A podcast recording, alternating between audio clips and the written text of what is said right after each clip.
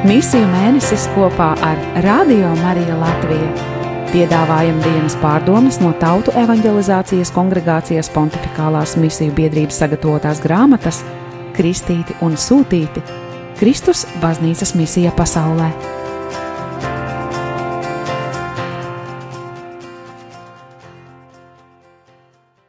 15. oktobris, otrdiena, parastā liturģiskā laika 28. nedēļa. Svētās Terēzes no Avilas piemiņas diena. Svēto rakstu fragmenti. Pāvila vēstule romiešiem pirmā nodaļa, 16. līdz 25. pāns. Psalmi 19. psalms, 2. līdz 5. pāns. Lūkasa evanģēlijas 11. nodaļa, 37. līdz 41. pāns.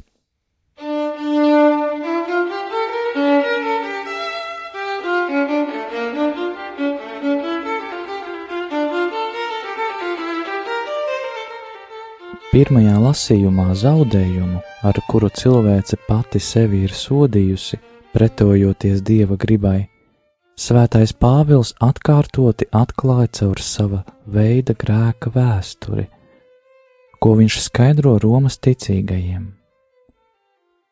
Dieva radīts patiesībai un taisnīgumam, cilvēks pievērsās neiedzībai, netiklībai un netaisnībai. Pārdomājot pasauli un spējot caur radīšanas darbu aptvert radītāja neredzamo pilnību, Cilvēce nomaldījās savās pārdomās un nonāca aklās nešķīstības alejās, pakļaujot ķermeni visādām baudām, līdz ķermenis pats kļuva par objektu un elku, kas pielūdz un kalpo radījumiem, nevis radītājam.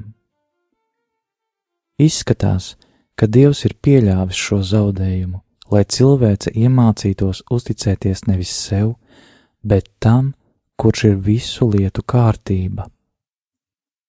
Pāvils pārstāsta šo grēka stāstu, lai parādītu, ka kaut arī cilvēce savas lepnās muļķības dēļ bija pelnījusi tikai dieva dusmas, Dievs vienalga izvēlējās mīlēt cilvēci un mūs attaisnot, lai mūs glābtu.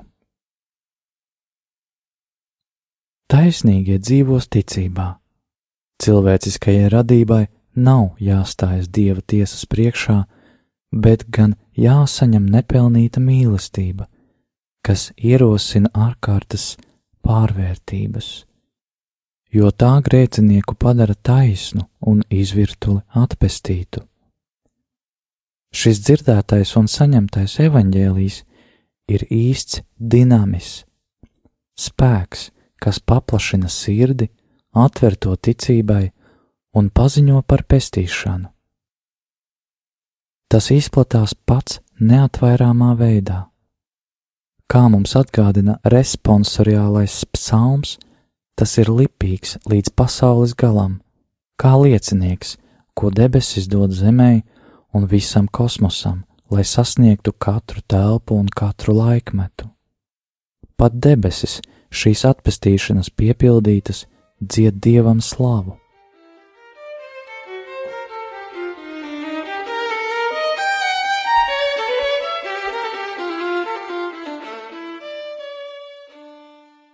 Evanģēlija lasījums, kas ņemts no Lūkas evanģēlija, mūs aicina vēl vairāk apdomāt šķēršļus mācītāja dzīvā un enerģiskā vārda izplatīšanai.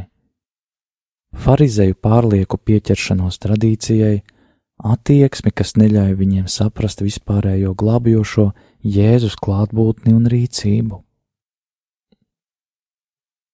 Kamēr Jēzus māca ļaužu pūļus, kāds farizējs viņu uzaicina pie sevis pusdienās.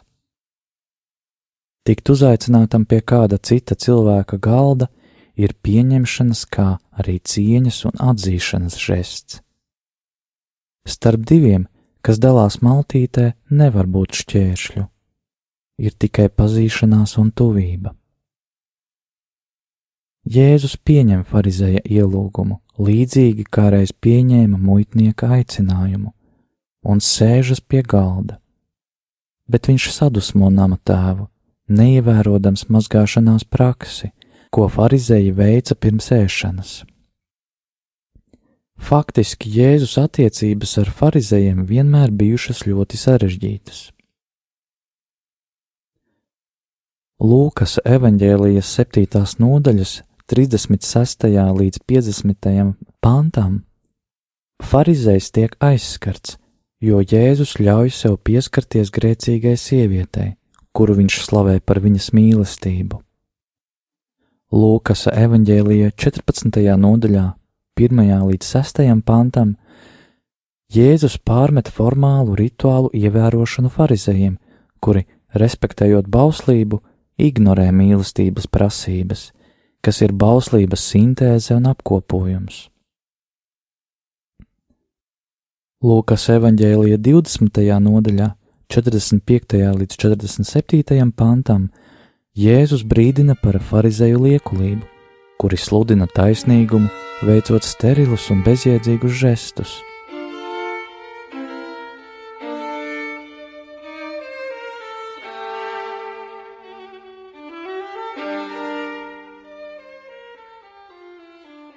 Tradīcijas, prakses un paražas ka tās tiek uzspiestas vai ievērotas neelastīgā veidā, attālinās no to sekundārā un instrumentālā mērķa izglītot mūsu vājās un ietekmējamās sirdis, lai tās darītu labu un mīlētu.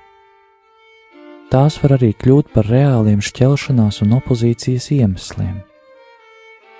Tikai atgriešanās un iesaistīšanās mīlošā dialogā ar Kristu kurš nebaidās no šķēršļu, sterilu priekšrakstu un tukšu tradīciju pārvarēšanas, var radīt dzīvību un jaunas attiecības kopībā, kurā pat likumi un to priekšraksti var palīdzēt mums dzīvot labi un saskaņā ar Dievu.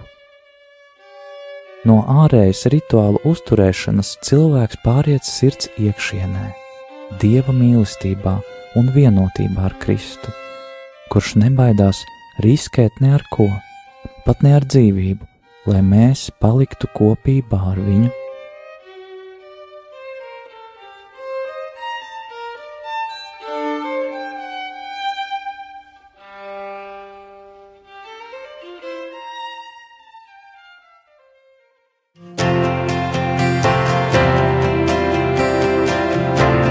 Dzirdējāt dienas pārdomas no Tautu evanģelizācijas kongregācijas pontificālās misiju biedrības sagatavotās grāmatas Kristīti un Sūtīti - Kristus baznīcas misija pasaulē.